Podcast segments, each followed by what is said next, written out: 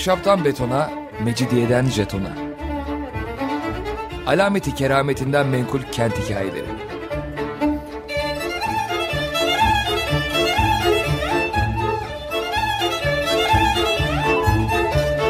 Hazırlayan ve sunan Pınar Erkan.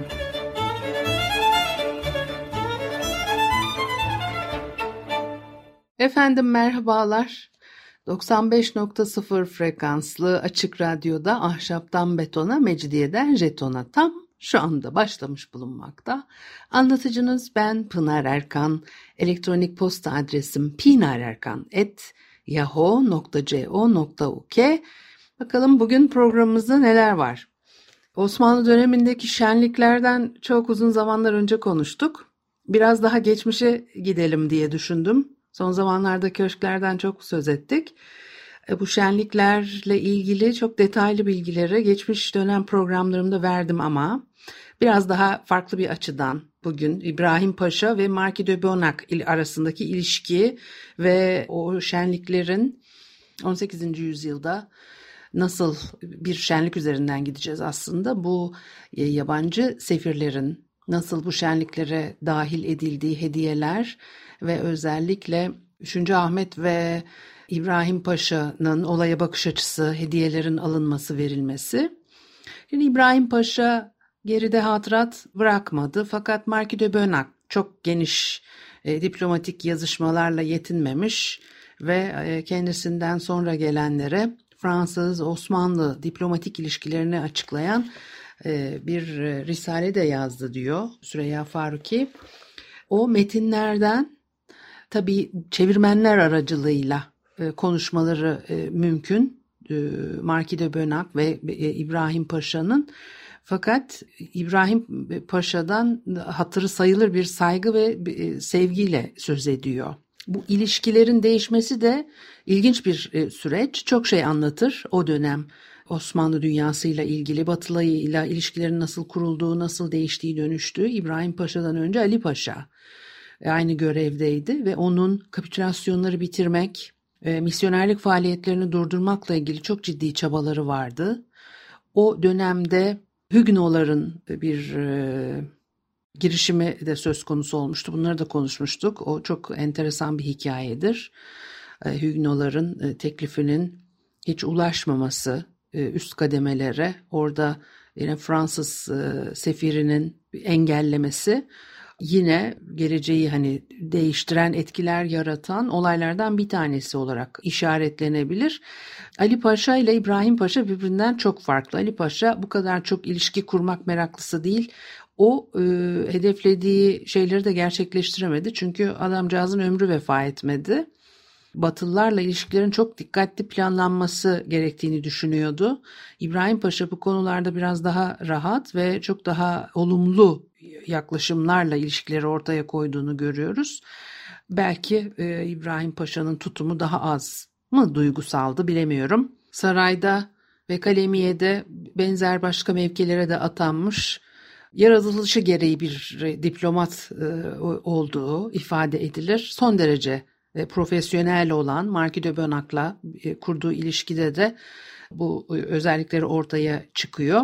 Pek çok açıdan İbrahim Paşa eleştirilir ama farklı bakış açıları da mümkün.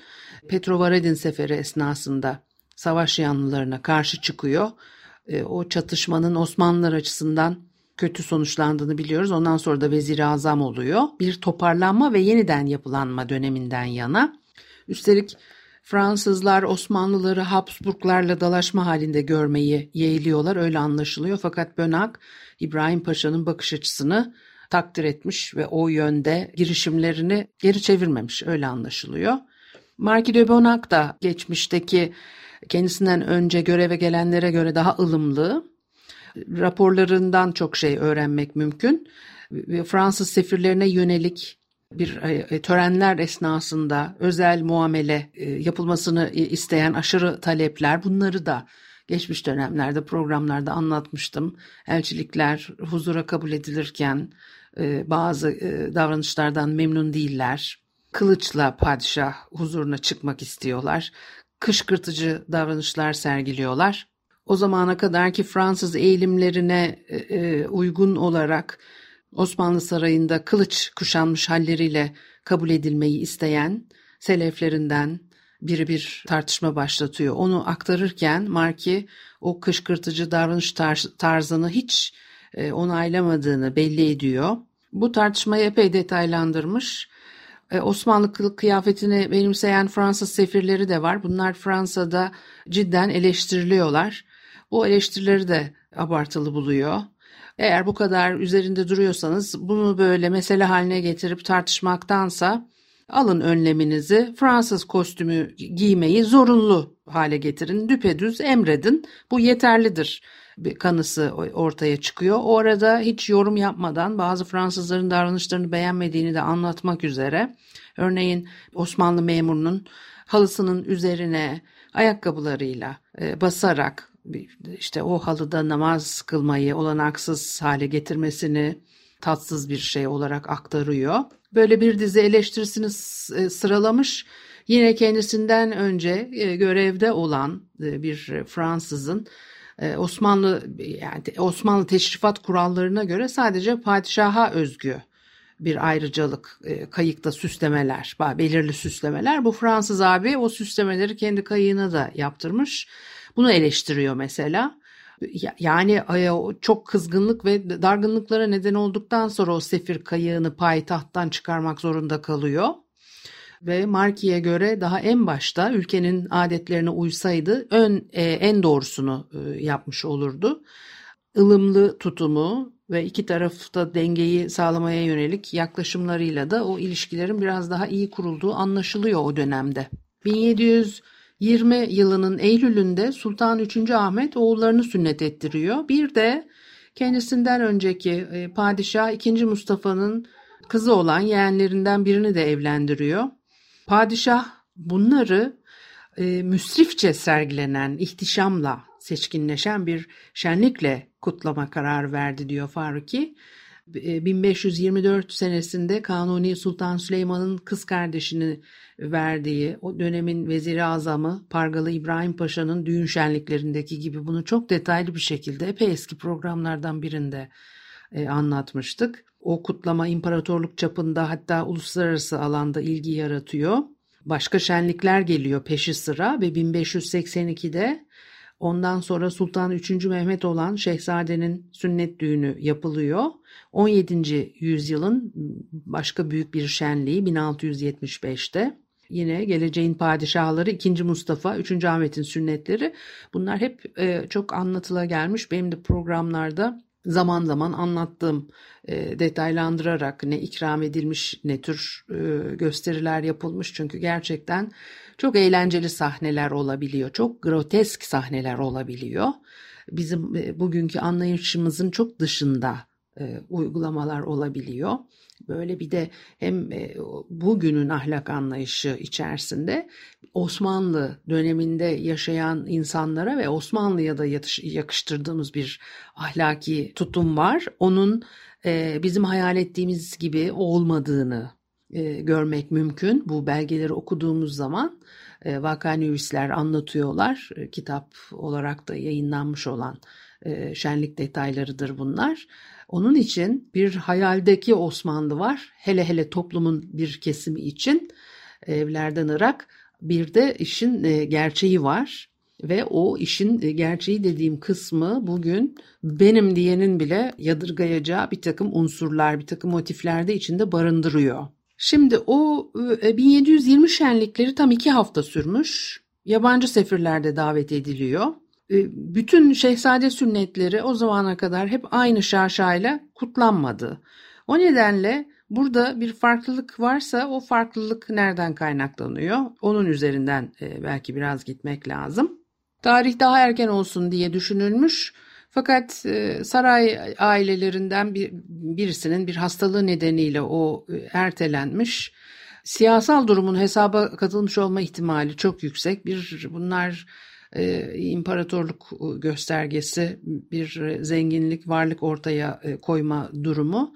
Bir de bir savaş Venedikleri endişelendirecek kadar başarılı bir şekilde e, büyük bir savaş o sırada sona erdirilmişken e, Habsburglarla yapılan savaşta tam tersi söz konusu olmuştu.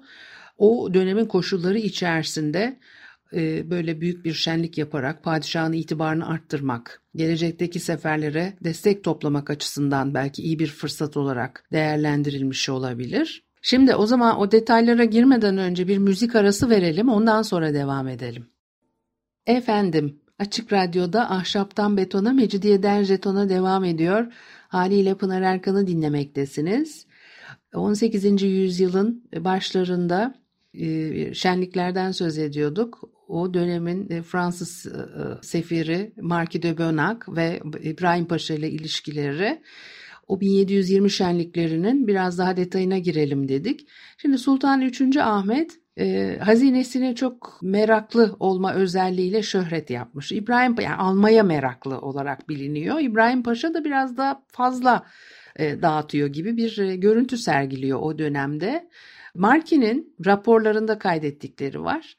Yani onun düşüncesine göre elbette e, sadrazamın gelir sağlayıp nakit toparlaması gerekir. Hükümetin işleyişi açısından bu bir zorunluluktur. Fakat diğer yandan eğer hükümdarın uyruklarının bağlılığı mümkün e, mertebe kalıcı kılınacaksa o zaman da dağıtılan ihsanların veya verilen ihsanların, yapılan ihsanların e, görünür kılınması gerektiğini e, söylüyor. E, bu konuyla da ilgili yorumlar yapmış. Şimdi hani ne kadar doğru bu çünkü Fransızın e, düşünceleri gerçekten böyle miydi? Ama eğer bu doğruysa 3. Ahmet'in gelirleri sağlamaya veya hediyeleri dağıtmaya yoğunlaşması gerektiğini İbrahim Paşa ileri sürüyor. Diyor ki yani ya para topla ya dağıt ikisinden birini yap. Şimdi duruma göre de o hükümdarın o çok tercih etmediği dağıtma konusu İbrahim Paşa'ya kalmış. Hediye sunumu ve ihsan bahşetmenin İbrahim Paşa'nın payını düştüğü yaşananlardan ve yapılan eleştirilerden o dönemin fazla harcamaları hiç tutumlu olunmadığı ve halkın da bu konuda rahatsızlığının tarihi e, kaynaklardan çok anlatıldığını hepimiz biliyoruz. Şimdi bu harcamalar nereye yapıldı, nereye gitti bu paralar diye e, konuşulup e, duruluyor 18. yüzyılda. O zaman Mehmet Raşit Vakanüvis 1720 şenliğinin çok kapsamlı betimlemelerini yapmış. Osmanlı devlet ricalinde e, mevki sahibi kimselerin kutlamalara özellikle de Emetullah Sultan'ın düğününe e, katıldığını ve onlara hediyeler verildiğini anlatıyor. Çünkü Emetullah Sultan'ın e, düğünü de sünnet düğünlerinin biraz gölgesinde kalmış. Kadınlarla ilgili çok bir ifade yok. Hep erkeklerden söz ediliyor.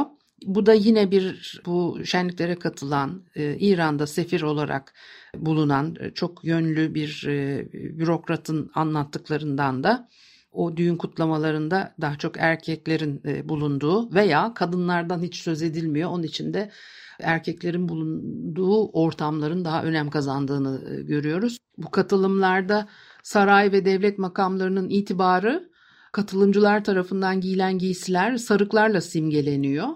Ziyaretçilere ve düğün şenliklerinin düzenlenmesinde e, daha etkin rol oynayanların hepsine hilatlar giydirilmiş.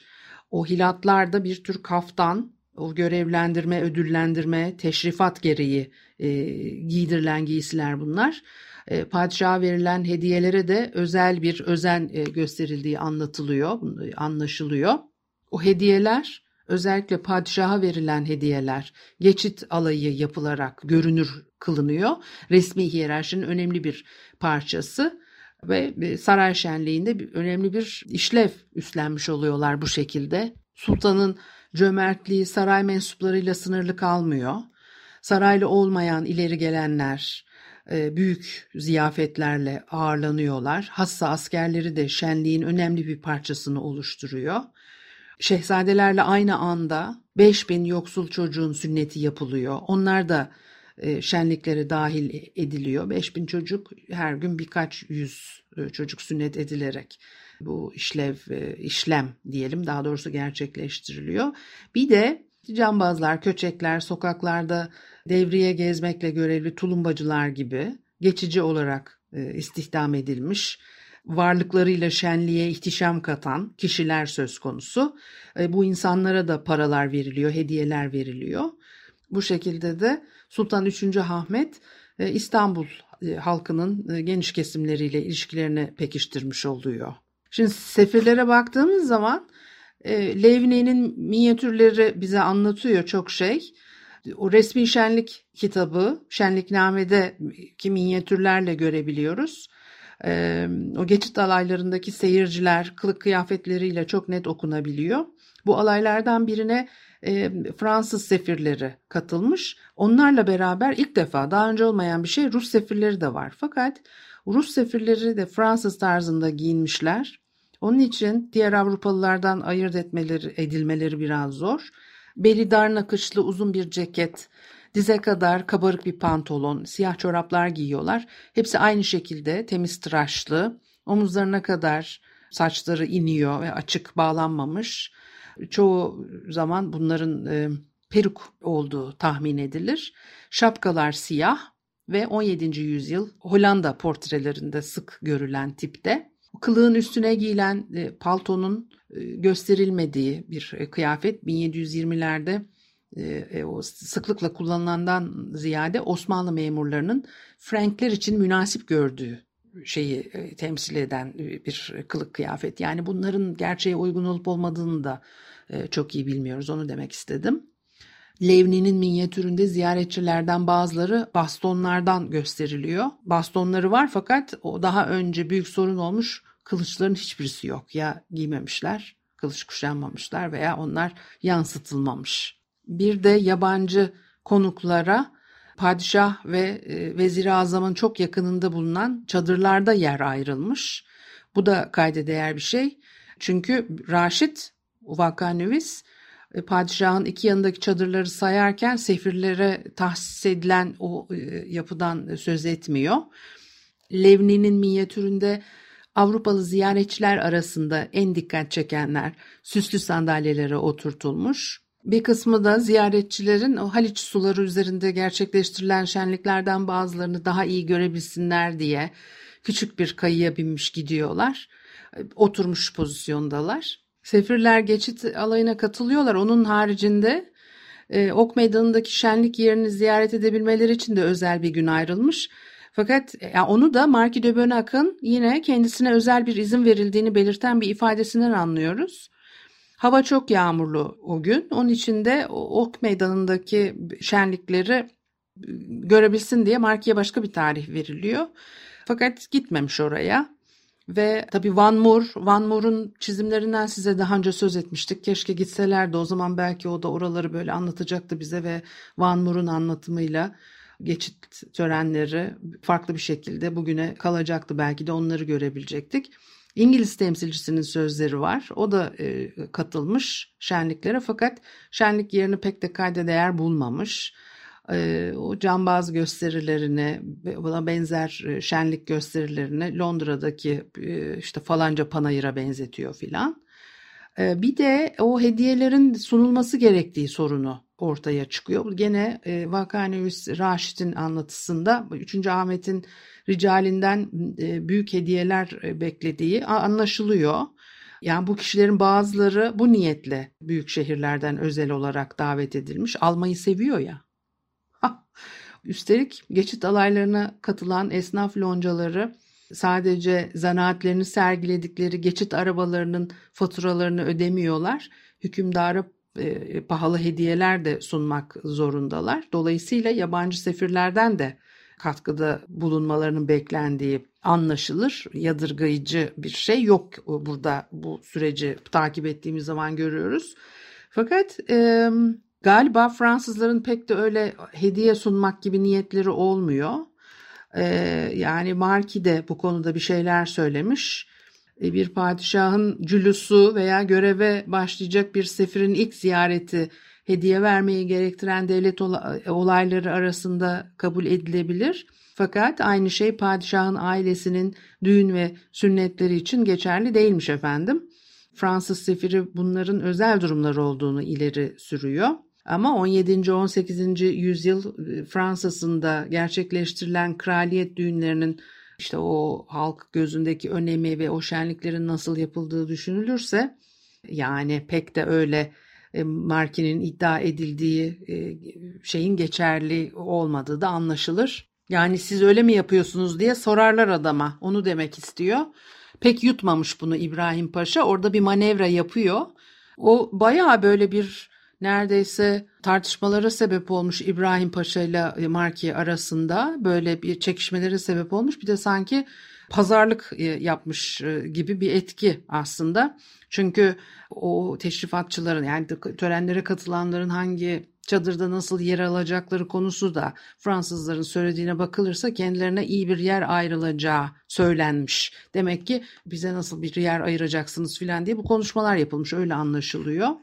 Hani böyle bir şey için mesela ne diyor Marki'nin anlatısından Veziri Azam'ın Fransız kralının temsilcisine ziyaretçiler arasında iyi bir yer sözü verdiği anlaşılıyor diyor. Ve o Levni tarafından e, aktarılan gravürlerde gördüğümüz şey de e, o söz yerine getirilmiş. Fakat o sefirlerin konumu bir ayrıntıdan ibaret. Bir de şenlik ortamında ok meydanındaki açık havada asıl önemli sayılan şey padişahın kendini Hindistan'dan başlayarak Rusya üzerinden Büyük Britanya'ya kadar eski dünyanın büyük bir kesimini kuşatan o ileri gelenler hiyerarşisinin en üstünde konumlandırarak e, sunması.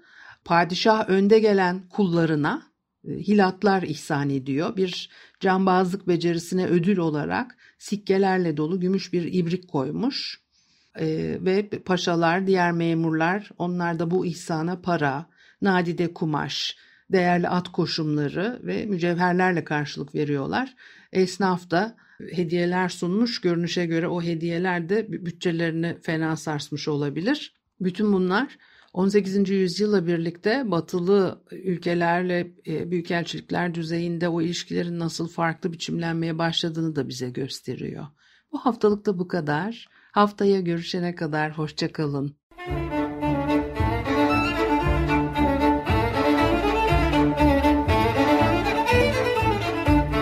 Ahşaptan betona, mecidiyeden jetona. Alameti kerametinden menkul kent hikayeleri.